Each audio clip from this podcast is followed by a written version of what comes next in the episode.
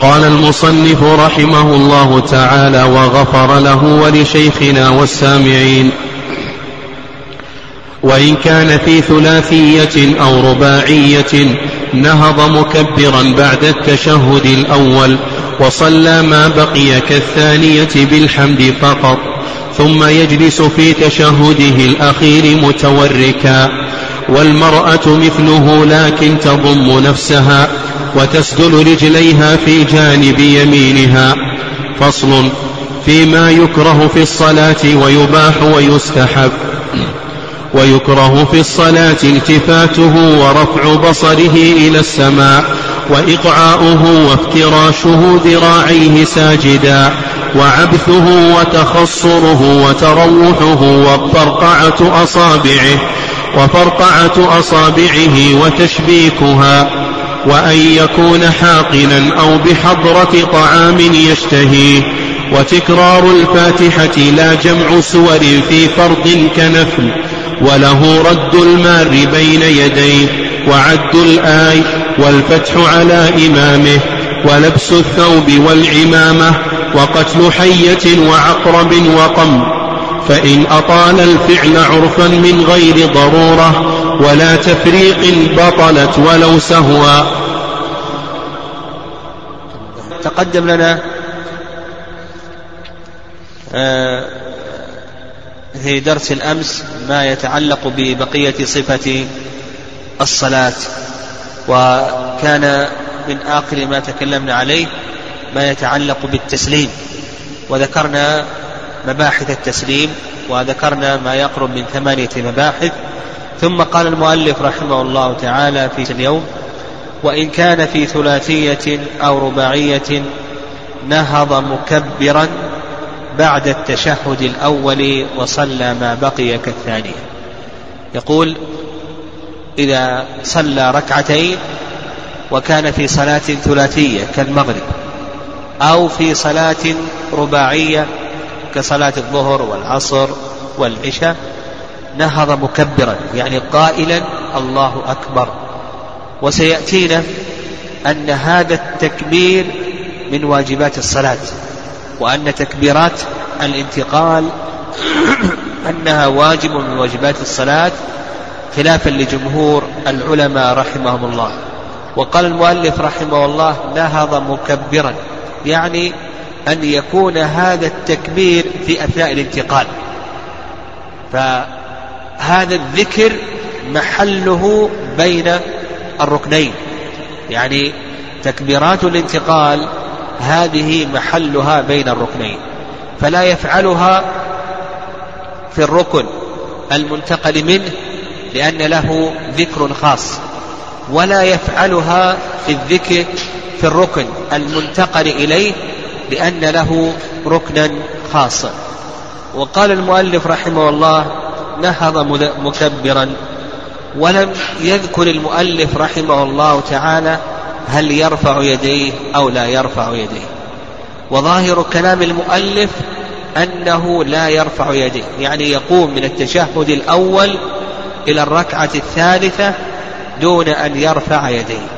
وهذا هو المشهور من مذهب الإمام أحمد رحمه الله تعالى.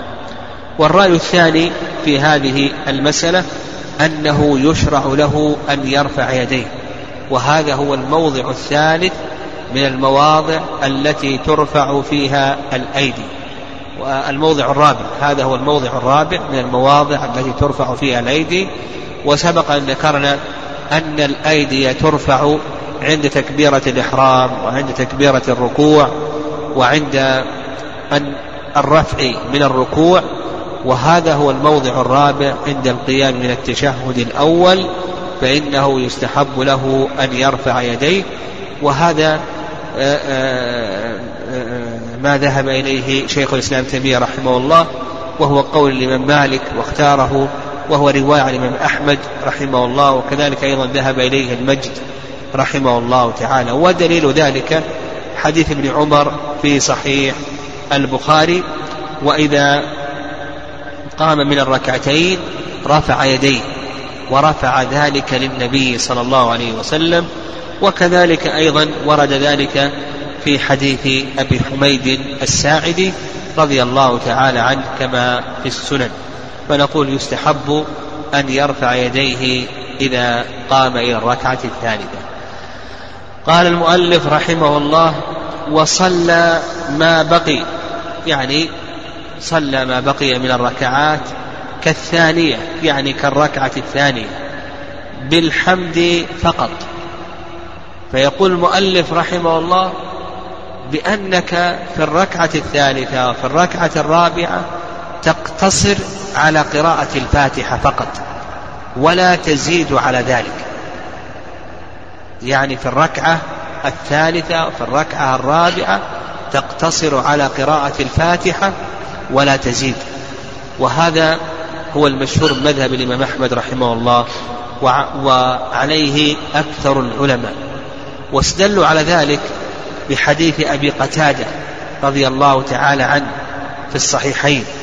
فإن فإن النبي صلى الله عليه وسلم كما ذكر أبو قتادة كان يقرأ كان يقرأ في الركعتين الأوليين من الظهر بفاتحة الكتاب والسورة وفي الركعتين الأخريين بفاتحة الكتاب.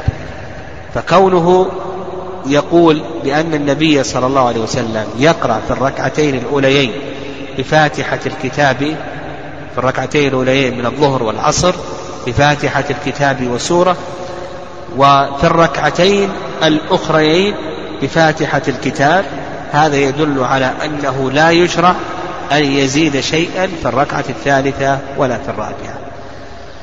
وعند الشافعي رحمه الله أنه يشرع له أن يزيد وقد جاء ذلك في حديث أبي سعيد رضي الله تعالى عنه فإن أبا سعيد يقول كان النبي صلى الله عليه وسلم يقرأ في صلاة الظهر في الركعي في الركعتين الأوليين في كل ركعة قدر ثلاثين آية. النبي صلى الله عليه وسلم كان يقرأ في صلاة الظهر في الركعتين الأوليين في كل ركعة قدر ثلاثين آية. وفي الركعتين الأخريين على النصف من ذلك. يعني يقرأ في الركعتين الأخريين في كل ركعة قدر خمس عشرة آية. والفاتحة كم هي من آية؟ سبع. الفاتحة سبع آيات. فيدل ذلك على أن النبي صلى الله عليه وسلم زاد. وقد أيضا ورد عن أبي بكر رضي الله تعالى عنه أنه قرأ في الركعة الثالثة من المغرب ربنا لا تزغ قلوبنا بعد إذ هديتنا. فالشافعية يرون أنه يستحب له أن يقرأ في الركعة الثالثة وفي الركعة الرابعة ودليل ذلك ما ذكرنا من حديث أبي سعيد رضي الله تعالى عنه. ابن حزم اقتصر على مورد النص وقال لا يزيد إلا في الظهر كما جاء في حديث أبي سعيد رضي الله تعالى عنه. والصواب في ذلك أن يقال الصواب في ذلك أن يقال أنه لا يشرع أن يقرأ. لا في الثالثة ولا في الرابعة إلا أحيانا أخذا من حديث أبي سعيد. فبهذا نجمع بين حديث أبي قتادة وحديث أبي سعيد وما ورد عن أبي بكر رضي الله تعالى عنه فإن أبا بكر رضي الله تعالى عنه له حجة فعله حجة وله سنة متبعة رضي الله تعالى عنه فنقول بأنه لا يشرع له أن يقرأ في الركعة الثالثة ولا في الرابعة إلا في بعض الأحيان. عملا بحديث أبي سعيد فإنه يقرأ في بعض الأحيان وخصوصا الظهر كذلك أيضا حتى العصر لو قرأ لا بأس إن شاء الله كما ورد عن أبي بكر رضي الله تعالى عنه أنه قرأ في المغرب فنقول يقرأ في الظهر وفي العصر كذلك أيضا في المغرب آه، في بعض الأحيان وغالب الأحيان كما في حديث أبي قتادة رضي الله تعالى عنه يقتصر على فاتحة الكتاب. قال المؤلف رحمه الله تعالى ثم يجلس في تشهده الأخير متوركا. يجلس في التشهد الأخير متوركا. وسيأتينا إن شاء الله في أركان الصلاة أن التشهد الأخير ركن من أركان الصلاة. وقال المؤلف رحمه الله تعالى متوركا. التورك ورد له ثلاث صفات. نعم التورك في الصلاة في الصفاء في الصلاة تحته مبحثان. المبحث الأول ما صفة التورك؟ والمبحث الثاني في أي تشهد يشرع التورك. أما ما يتعلق بصفة التورك فالصفة الأولى للتورك هي أن ينصب رجله اليمنى. رجله اليمنى تكون منصوبة وأطراف أصابعها تجاه القبلة.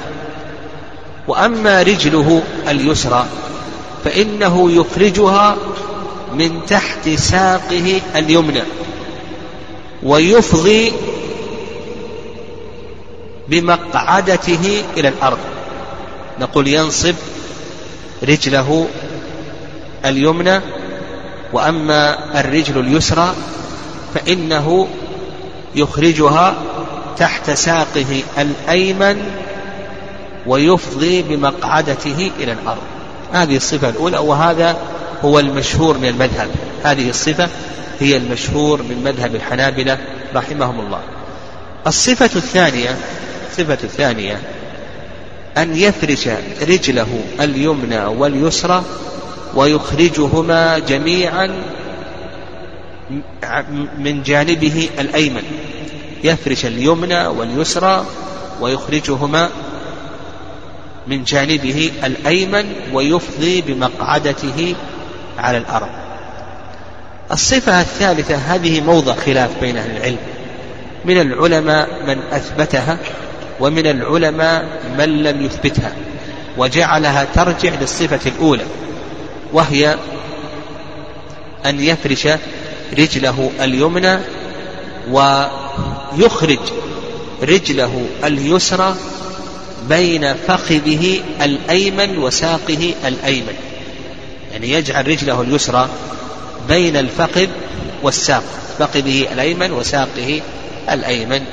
هذه بعض أهل العلم لا يثبت هذه الصفة كما هو قول الشيخ بكر أبو زيد رحمه الله في كتابه لا جديد في الصلاة يرى أن هذه الصفة راجعة للصفة الأولى لأن الصفتين إسنادهما واحد.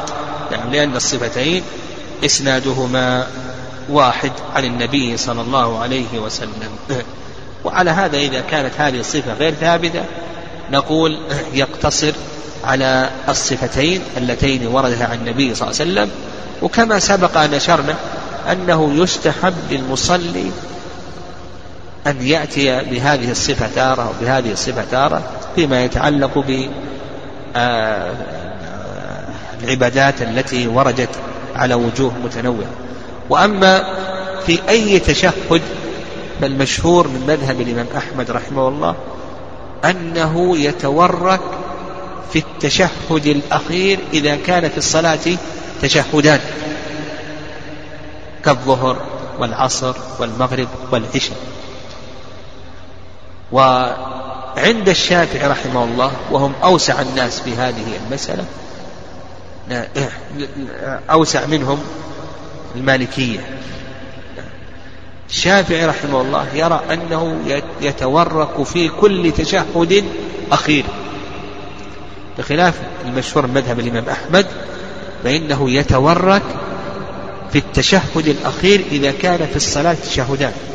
أما الشافعية فإنهم يطلقون المسألة. الإمام مالك رحمه الله يرى الافتراش في كل تشهد التورك في كل تشهد. أبو حنيفة أضيق الناس في هذه المسألة يرى الافتراش في كل تشهد. فمالك التورك في كل تشهد أبو حنيفة الافتراش في كل تشهد. الشافعي رحمه الله التورك في كل تشهد أخير أحمد التورك في كل تشهد أخير إذا كان في الصلاة تشهدا. وأقرب الأقوال في هذه المسألة هو ما ذهب إليه الإمام أحمد رحمه الله تعالى وهو الذي دل له حديث أبي حميد رضي الله تعالى عنه في صفة صلاة النبي صلى الله عليه وسلم. فإن أبا حميد لما ذكر صفة صلاة النبي صلى الله عليه وسلم ذكر أن النبي صلى الله عليه وسلم افترش في التشهد الأول وتورك في التشهد الثاني. افترش في التورك في التشهد الأول وتورك في التشهد الثاني. وأما الذين قالوا بأنه يتورك يفترش دائما كما هو قول أبي حنيفة رحمه الله فاستدلوا على ذلك بقول ابن عمر رضي الله تعالى عنه إنما سنة الصلاة أن تنصب رجلك اليمنى وتثني اليسرى. إنما سنة الصلاة أن تفرش أن تنصب رجلك اليمنى وتفرش اليسرى. وكما سبق أن ذكرنا أن الأصل في جلسات الصلاة والافتراش و نعم. وأما نعم الذين قالوا بالتورك نعم الذين قالوا بالتورك قالوا إنما سنة الصلاة أن تنصب رجلك اليمنى وتثني اليسرى. إنما سنة الصلاة أن تنصب رجلك اليمنى وتثني اليسرى. وأما الذين قالوا بالافتراش فكما في حديث عائشة رضي الله تعالى عنهما رضي الله تعالى عنها كما في صحيح مسلم. لما ذكرت صفة صلاة النبي صلى الله عليه وسلم أن النبي عليه الصلاة والسلام كان يفرش رجله اليسرى وينصب اليمنى. كما ذكرنا أن الأصل في جلسات الصلاة هو الافتراش. والأقرب في هذه المسألة هو ما ذهب إليه الإمام أحمد رحمه الله تعالى كما دل له حديث أبي حميد. فإن أبا حميد فصل وجعل الافتراش في, في التشهد الأول والتورك في التشهد الثاني. وأما قول ابن عمر إنما سنة الصلاة أن تنصب رجلك اليمنى وتثني اليسرى فهذا محمول على التشهد الأخير. وحديث عائشة رضي الله تعالى عنها وغيره مما ورد فيه الافتراش نقول بأنه محمول على التشهد الأول. قال والمرأة مثله. يعني أن المرأة مثل الرجل في جميع ما تقدم من صفة الصلاة. والقاعدة كما سلف لنا أن الأصل تساوي الرجال والنساء في الأحكام الشرعية إلا لدليل. هذا الأصل. يكون الأصل هو تساوي الرجال والنساء في الأحكام الشرعية إلا لدليل. ف... وعلى هذا نقول بأن المرأة ترفع يديها كما يرفع الرجل يديه وتقرأ الاستفتاحات كما يقرأ الرجل الاستفتاحات وصيغ التشهدات والصلاة على النبي صلى الله عليه وسلم إلى آخره.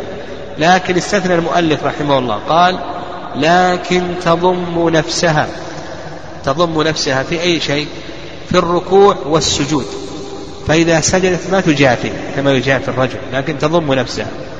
كذلك أيضا في الركوع لا تجافي إذا ركعت وإنما تضم نفسها. فيقولون بأن المرأة كالرجل لكن أولا يستثنى من ذلك أنها تضم نفسها. فلا تجافي في السجود ولا في الركوع. قال وتسدل رجليها في جانب يمينها. يعني إذا جلست إذا جلست فإنها تخرج رجلها اليمنى ورجلها اليسرى من جهة يمينها وتفضي بمقعدتها على الأرض. واستدلوا على ذلك بأن ابن عمر رضي الله تعالى عنهما كان يأمر نساءه أن يتربعن في الصلاة. وقالوا بأن كون المرأة ما تجافي وإنما تضم نفسها هذا أستر لها لأن أمر المرأة مبني على الستر والحياة والحشمة ونحو ذلك. والصواب في هذه المسألة أن حكم المرأة كحكم الرجل. وعلى هذا نقول بأن المرأة تجافي في السجود وكذلك أيضا تجافي في الركوع وتفترش في مواضع الافتراش وتتورك في مواضع التورك تفترش في مواضع الافتراش وتتورك في مواضع التورك. وورد عن أم الدرداء رضي الله تعالى عنها أنها كانت تجلس في صلاتها جلسة الرجل. وهذا أخرجه البخاري معلقا بصيغة الجزم ولأن القاعدة كما ذكرنا الأصل أن ما ثبت في حق الرجال ثبت في حق النساء إلا لدليل. قال المؤلف ما ذكر المؤلف رحمه الله؟ بعد السلام ما يقول يشرع بعد السلام أن يذكر الله عز وجل. وذكر الله عز وجل هو أحد جوابر الصلاة. قد ذكر العلماء رحمهم الله أن الصلاة لها ثلاثة جوابر. الجابر الأول ذكر الله عز وجل والجابر الثاني سجود السهو كما سيأتينا إن شاء الله والجابر الثالث صلاة التطوع. الجابر الثالث صلاة التطوع وهذه من رحمة الله عز وجل فإنها تسد الخلل الذي قد يكون في الصلاة. فيشرع أن يذكر الله عز وجل. وذكر الله عز وجل أولا السنة أن يبدأ بالاستغفار كما في حيث ثوبان وأم سلمة استغفر الله استغفر الله استغفر الله. اللهم أنت السلام ومنك السلام تباركت يا ذا الجلال والإكرام. ثم بعد ذلك يهلل لا إله إلا الله وحده لا شريك له له الملك وله الحمد وهو على كل شيء قدير لا حول ولا قوة إلا بالله لا إله إلا الله ولا نعبد إلا إياه له, له النعمة وله الفضل وله الثناء الحسن لا إله إلا الله مخلصين له الدين ولو كره الكافرون. ثم بعد ذلك يسبح وقد جاء التسبيح على أربع صيغ يعني جاء التسبيح على أربع صيغ الصيغة الأولى أن يسبح الله ويحمد الله ويكبره ثلاثا وثلاثين ثم يقول ثم يقول في تمام المئة لا إله إلا الله وحده لا شريك له له الملك وله الحمد وعلى كل شيء قدير. والصيغة الثانية يسبح الله ثلاثة وثلاثين وأن يحمده ثلاثة وثلاثين وأن يكبره ثلاثة وثلاثين ويقول في تمام مئة الله أكبر. والصيغة الثالثة أن يسبح الله ويحمده ويكبره ويهلله خمسا وعشرين. سبحان الله والحمد لله ولا إله إلا الله والله أكبر. خمسا وعشرين. والصيغة الرابعة أن يسبح الله عشرا وأن يكبره عشرا وأن يحمده عشرا إلى آخره. كذلك أيضا يستحب له أن يقرأ سورة البقرة أن يقرأ آية الكرسي دبر كل صلاة. لقول النبي صلى الله عليه وسلم من قرأ آية الكرسي دبر كل صلاة لم يمنعه من دخول الجنة إلا الموت قال شيخ الإسلام تيمية رحمه الله لم أدع قراءة آية الكرسي بعد أن سمعت هذا الحديث. ولم أدع قراءة آية الكرسي بعد أن سمعت هذا الحديث دبر كل صلاة. كذلك أيضا يستحب له أن يقرأ المعوذتين. يستحب أن يقرأ المعوذتين. قال المؤلف رحمه الله فصل ويكره في الصلاة التفاته هنا شرع المؤلف رحمه الله في بيان ما يكره في الصلاة ويباح فيها. ما يكره وما يباح في الصلاة. والمكروه هو خطاب الشارع بالكف عن الشيء لا على وجه الإلزام. يعني خطاب الشارع بالكف عن الشيء لا على وجه الإلزام. وحكمه أنه يثاب تاركه امتثالا ولا يعاقب ولا يعاقب فاعله. قال ويكره في الصلاة التفاته. الالتفات أنواع إما أن يلتفت برأسه وإما أن يلتفت ببصره وإما أن يلتفت بقلبه. وهذا داخل هذه الأنواع. كلها داخلة تحت تحت قوله التفات.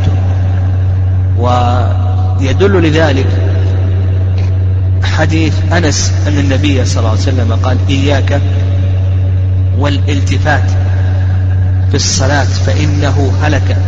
وفي صحيح البخاري أن النبي صلى الله عليه وسلم قال هو اختلاس يختلسه الشيطان من صلاة العبد. فيكره في الصلاة التفاته أيضا من أيضا النوع الرابع من الالتفات الالتفات بالبدن. لكن الالتفات في, في بالبدن هذا فيه تفصيل. هو مكروه لكن إذا أدى إلى أن ينحرف عن جهة القبلة تبطل الصلاة. لأن استقبال القبلة شرط لا بد من دوامه. قال ورفع بصره إلى السماء يعني يكره أن يرفع بصره إلى السماء. و يدل لذلك حديث أنس أن النبي صلى الله عليه وسلم قال ما بال أقوام يرفعون أبصارهم إلى السماء في صلاتهم. فاشتد قوله حتى قال لينتهن أو لتخطفن. لينتهن أو لتخطفن لتخطفن أبصارهم وهذا هذه عقوبة. ولهذا ذهب بعض العلماء رحمهم الله إلى أن رفع البصر إلى السماء أنه محرم. يعني في الصلاة أنه محرم. لهذا الحديث حديث أنس رضي الله تعالى عنه. قال وتغميض عينيه يعني يكره أن يغمض عينيه في الصلاة. وعللوا ذلك قالوا بأن هذا هو فعل اليهود وفعل اليهود. والمتأمل بهدي النبي صلى الله عليه وسلم يجد أن هدي النبي صلى الله عليه وسلم هو عدم تغميض العينين في الصلاة بل كان النبي صلى الله عليه وسلم يفتح عينيه في الصلاة ويدل لذلك ما جاء في في صلاة الكسوف. فإن النبي صلى الله عليه وسلم عرضت له الجنة والنار في صلاة الكسوف. تقدم وتأخر إلى آخره مما يدل على أن النبي عليه الصلاة والسلام لم يكن يغمض عينيه في الصلاة. لكن كما ذكر ابن القيم رحمه الله أنه إذا كان هناك حاجة إذا كان هناك حاجة فلا بأس. مثلا إذا كان هناك زخرفة تلهيه في صلاته وتقل بخشوعه أو نحو ذلك فإن هذا جائز ولا بأس به. لكن كونه يغمض علي عينيه من أجل خشوع كما يفعل بعض الناس تجد أنه يقول لكي أخشع فيغمض عينيه من أجل الخشوع. نقول هذا ليس صوابا هذا ليس صوابا. النبي صلى الله عليه وسلم هو إمام الخاشعين ومع ذلك ما كان النبي صلى الله عليه وسلم يغمض عينيه في الصلاة. فالإنسان يسلك الطرق الشرعية الأخرى التي تكون سببا للخشوع. أما إغماض العينين فهذا لم يكن من أسباب الخشوع الشرعية. قال وإقعاؤه إقعاؤه أيضا هذا مكروه لأن النبي صلى الله عليه وسلم نهى عن ذلك نهى أن يقعي كإقعاء الكلب أن يقعي كإقعاء الكلب والإقعاء له صفات نعم الإقعاء له صفات الصفة الأولى الصفة الأولى من صفات الإقعاء أن يفرش رجليه ويجلس على عقبيه بمعنى أن تكون ظهور الرجلين إلى الأرض تكون ظهور الرجلين آه. يعني رجليه هكذا تكون ظهورها إلى الأرض ثم يجلس على عقبيه.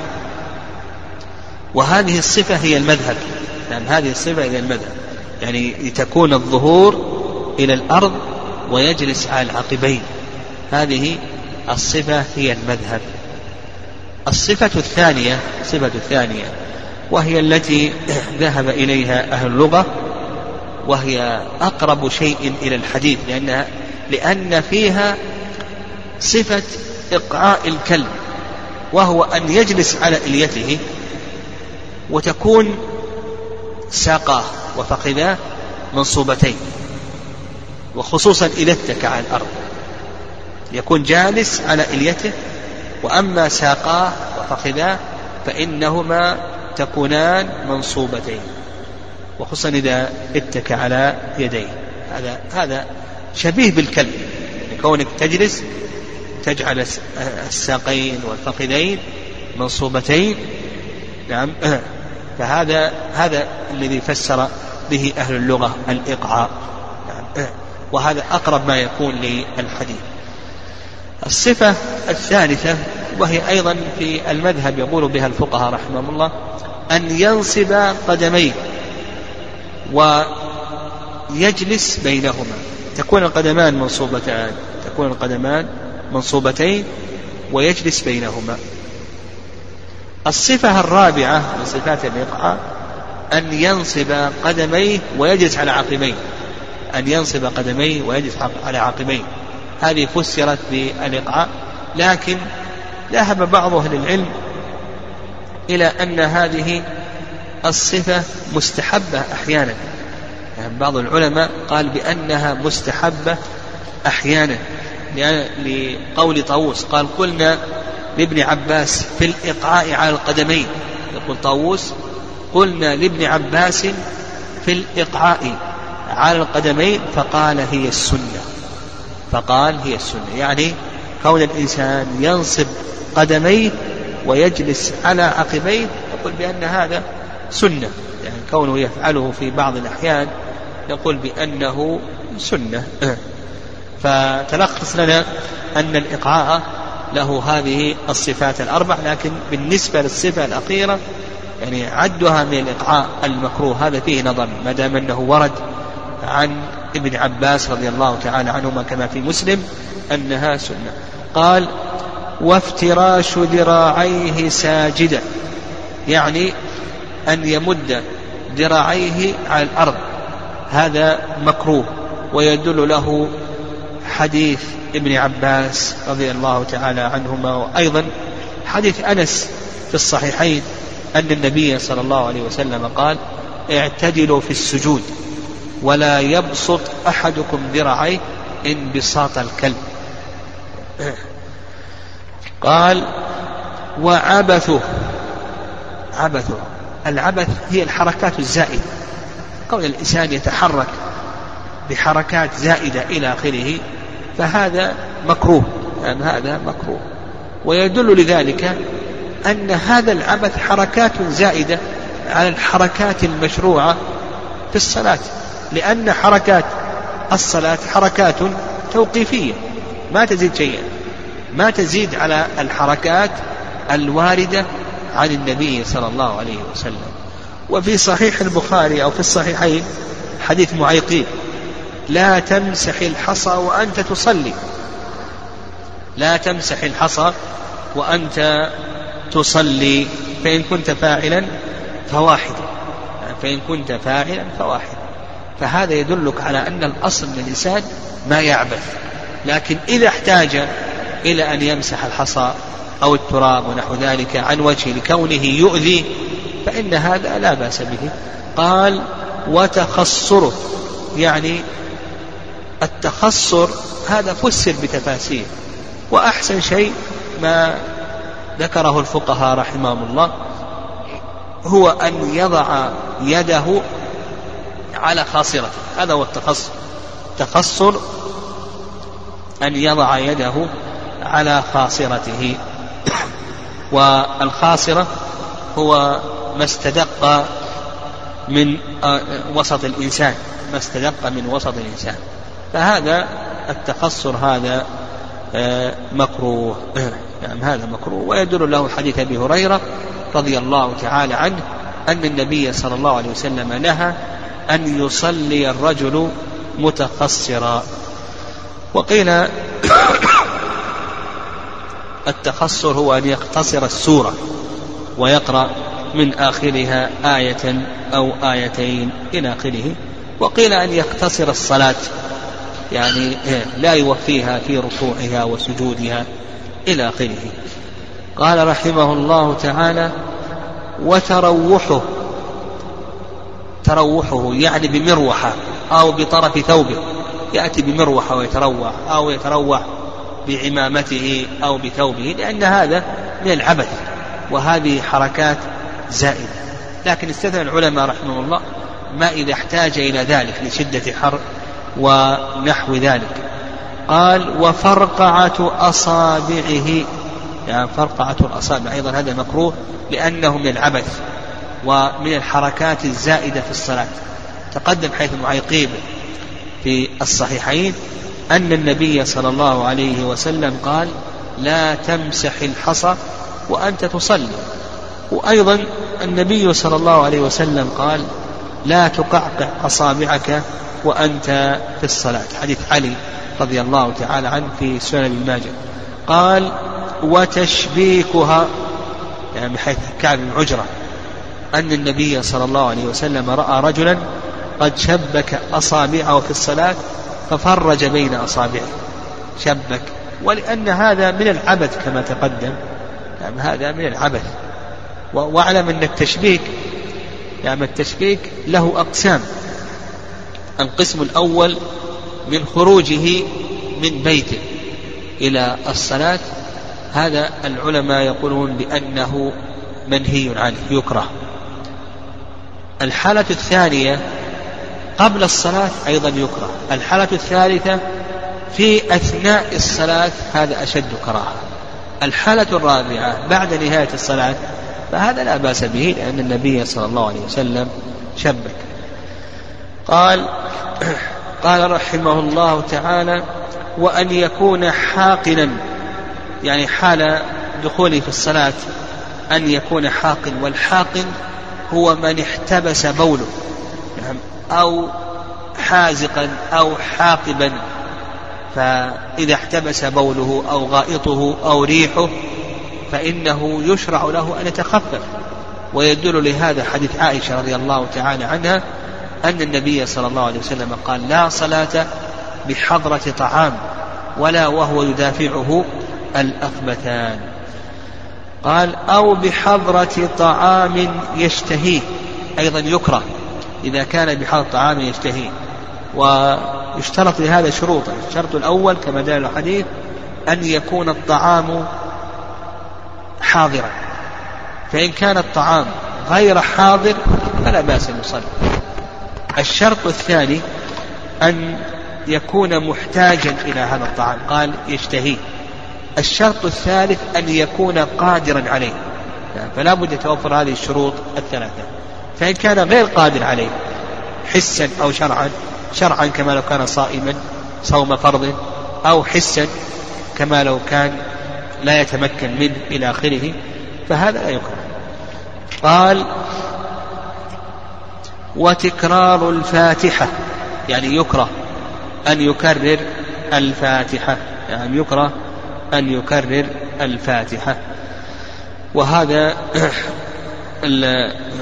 المذهب وعند المالكية يحرم يعني عند المالكية يحرم لأنه تكرار ركن يعني زيادة ركن في الصلاة. والحنفية يفصلون بين الفرض والنفل يقول يكره في الفرض ولا يكره في النفل. والصحيح في هذه المسألة هو ما ذهب إليه الحنابلة أن تكرار الفاتحة أنه مكروه. ولا نقول بأن الصلاة تبطل لأنه زيادة ركن لأن هذا الركن ليس ركنا فعليا يخل بهيئة الصلاة وإنما هو ركن قولي. يعني ركن قولي. وعلى هذا نقول بأن تكرار الفاتحة نقول بأنه مكروه إلا لحاجة يعني إلا لحاجة. كما لو شك ما لم يصل إلى درجة الوسواس. بعض الناس قد يحصل عنده وسواس ونحو ذلك. يعني فإذا شك أو أراد أن يكررها لكي يقرأها بخشوع فإن هذا لا بأس به كما ذكرنا إلا أن يصل إلى درجة الوسواس. لا جمع سور في فرض كنفل. يعني يقول لك المؤلف رحمه الله لا بأس أن تقرأ في الفرض سورتين تقرأ ثلاث سور أن هذا جائز ولا بأس به كالنفل. والنبي صلى الله عليه وسلم قرأ كما في حديث حذيفة افتتح البقرة ثم افتتح سورة النساء ثم افتتح سورة آل عمران وأيضا قصة الأنصاري الذي كان يصلي بهم وإذا انتهى من قراءة السورة قرأ سورة الإخلاص فأقره النبي صلى الله عليه وسلم على ذلك. لكن نفهم أن هذا جائز مباح أن هذا جائز النبي صلى الله عليه وسلم أقره. أن هذا جائز ولا بأس به في الفرض. وأما في النفل فمستحب لأن النبي صلى الله عليه وسلم فعل. نقول في الفرض هو جائز. لو جمع سورتين في الفرض نقول جائز.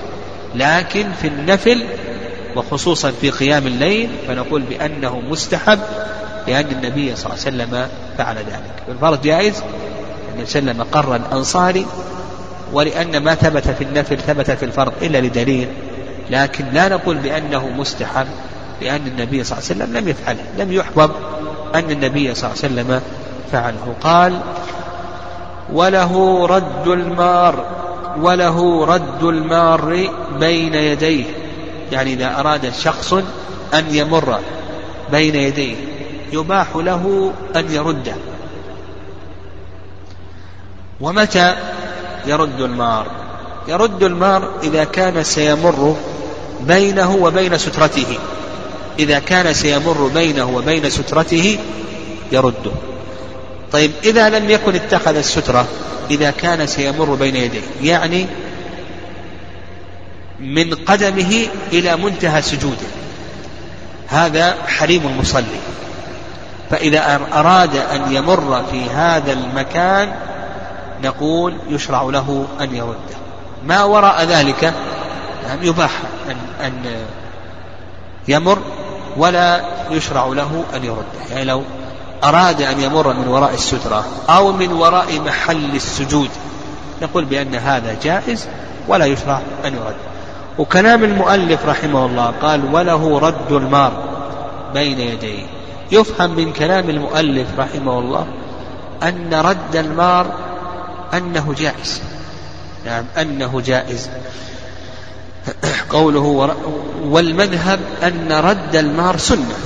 نعم المذهب أن رد المار سنة. وهذا هو الصواب أن رد المار سنة لأن النبي صلى الله عليه وسلم أمر به قال إذا كان أحدكم يصلي فلا يدعن أحدا يمر بين يديه. إذا كان أحدكم يصلي فلا يدعن أحدا يمر بين يديه. رواه مسلم من حديث ابن عمر رضي الله تعالى عنهما. ويستثنى من ذلك ما إذا كانت الصلاة فرضا والمار يقطع الصلاة يبطلها. فهنا يجب عليك أن ترده. نعم يجب عليك أن ترده. مثل لو كان المار امرأة أو كلبا أسود أو حمارا فإن هذه الأشياء تقطع الصلاة تبطلها. فنقول إذا كانت الصلاة فرضا وهذا المار يبطل الصلاة فيجب أن ترده. فأصبح عندنا الرد الرد بشرطين. يجب الرد سنة لكن يجب بشرطين. قال رحمه الله طيب قال رحمه الله وعد الآية. نعم وعد الآية. والمرور بين يدي المصلي يعني بين المصلي وبين سترته أو بين المصلي ومنتهى سجوده هذا حكمه ماذا؟ هو أنه محرم ولا يجوز. بل ظاهر الحديث أنه من كبائر الذنوب. يعني ظاهر الحديث لو يعلم المار بين يدي المصلي ما عليه لكان أن يقف أربعين أربعين في البزار أربعين عاما دون أن يمر بين يديه. فهذا يدلك على كون ترتيب هذه العقوبة الشديدة. هذا يدل على أنه من كبائر الذنوب. نعم إلا ما يستثنى كما سيأتينا إن شاء الله. قال وعد الآية يعني يباح للمصلي أن يعد الآية يعني يباح للمصلي أن يعد الآية لأنه قد يحتاج إلى ذلك.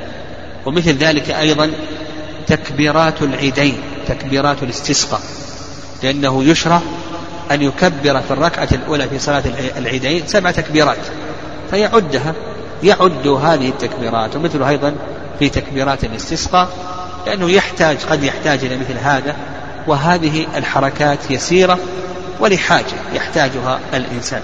قال وعد الآية والفتح على إمامه. يعني يقول للمأموم نعم للمأموم أن يفتح على إمامه. يعني إذا غلط إذا غلط أنه يفتح على إمامه. وظاهر كلام المؤلف رحمه الله أن الفتح على الإمام أنه جائز يعني يجوز للمأموم أن يفتح على إمامه إذا غلط. يعني والصحيح أن الفتح أن الفتح على الإمام سنة ويجب أحيانا فتح الإمام سنة إذا غلط في القراءة أو عليه أو سهى في الصلاة. نقول يستحب لك أن تفتح على إمامك.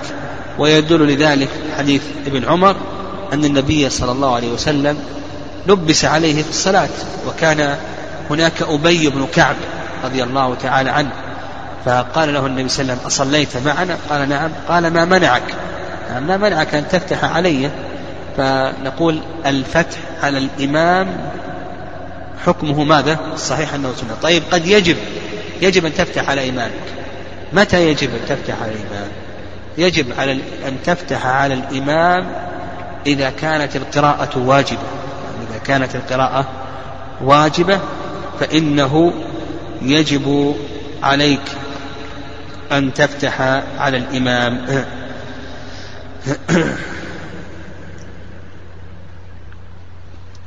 فكل شيء عمده يبطل الصلاة فالسهو فيه تفتح فيه على الإمام. كل شيء لو تعمده الإمام بطلت صلاته.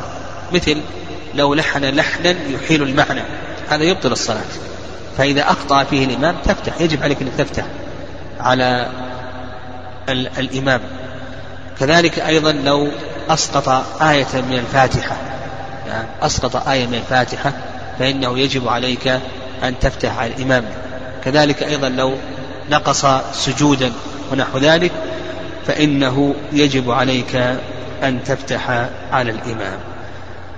القسم الثاني ما عدا ذلك ما عدا ذلك فنقول بأنه مستحب. عندنا لفتح الإمام مستحب إلا إذا كان هذا الغلط والنسيان عمده يبطل الصلاة فنقول بأنه يجب عليك أن تفتح على إمامك حينئذ كما ضربنا في الأمثلة. قال ولبس الثوب ولف العمامة.